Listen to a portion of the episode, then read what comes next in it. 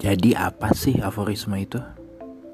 Kalau secara istilah ya bisa dibilang itu ada gium, pernyataan, peribahasa yang disusun dengan padat dan ringkas yang udah diyakini sebagai sebuah kebenaran. Nah, tapi balik lagi, siapa sih yang benar-benar yakin akan sebuah nilai kebenaran?